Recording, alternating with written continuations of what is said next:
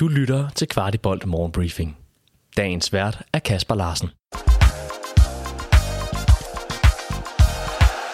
Så kom vi til onsdag den 15. februar, og den sidste træningskamp er spillet.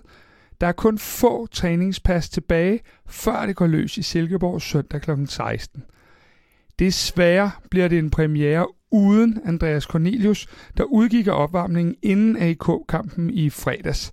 Han bliver dermed ikke klar, og så må vi formode, at pladsen tilfalder enten Havkon Arne Haraldsson eller Jordan Larsson. Forløbig er corner meldt ude af denne ene kamp. Sidste test blev også en test, hvor de formodede reserver kom i kamp. Vi mødte Næstved i en lidt anderledes kamp på 45 plus 20 minutter. FC København vandt kampen med 2-0 på mål af Rooney Badaci samt Isak Bergman Johannesson. Målene var begge ret flotte, og der blev scoret et i hver halvleg. Thomas Jørgensen startede som falsk nier og viste i glimt det potentiale, vi også har set i efteråret på U19-holdet.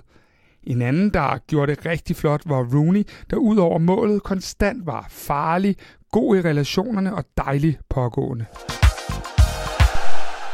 En detalje for kampen var, da spillerne gik til pause, hvor første halvlejs anfører Rasmus Falk lige fandt overskud til at give hver enkelt af de unge en high five og lidt opmuntrende ord om deres præstation.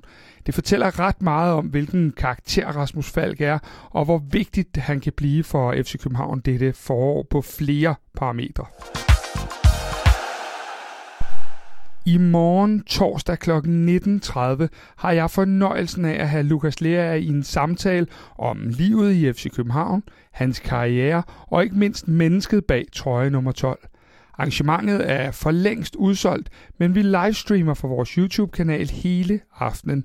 Så gå ind og følg os på YouTube og kom med Kvartibolt og Lukas Lea er på café. Allerede senere i dag, onsdag, sætter vi os ned og optager sæsonens første kvart i optakt, som gerne skulle lande i din indbakke senere i dag. Vi har givet den en lille makeover, og vi håber, at I kan lide det. Vores unge midterforsvar Valdemar Lund er som alle os andre meget stolt af Victor Christiansen og hans skifte til Premier League. Lund fortæller til Bold.dk, at han ikke kunne være mere stolt af sin ven, end tilfældet er – Lund fortæller videre, at han har sparet meget med VK, og det er stort at se ham komme så vidt som at skifte til Premier League lige nu.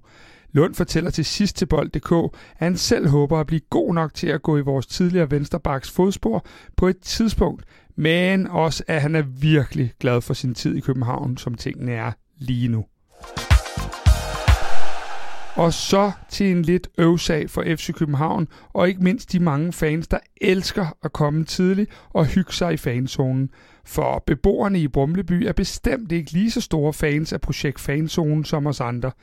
Det skriver Østerbro Liv. Beboerne henviser til de fem arrangementer, der foregik i oktober-november måned og medførte støjgener i omkring 12 timer – FC København fortæller selv til samme medie, at de er i dialog med såvel naboer som kommune om en løsning, sådan så der er plads til alle. Vores tidligere højt skattede midtstopper, Marius Economou, er efter at have været klubløs siden han og København ophævede kontrakten, nu på tale hos bundklubben Sampdoria i Serie A. De mangler akut en midterforsvar, da de har mange skader pt.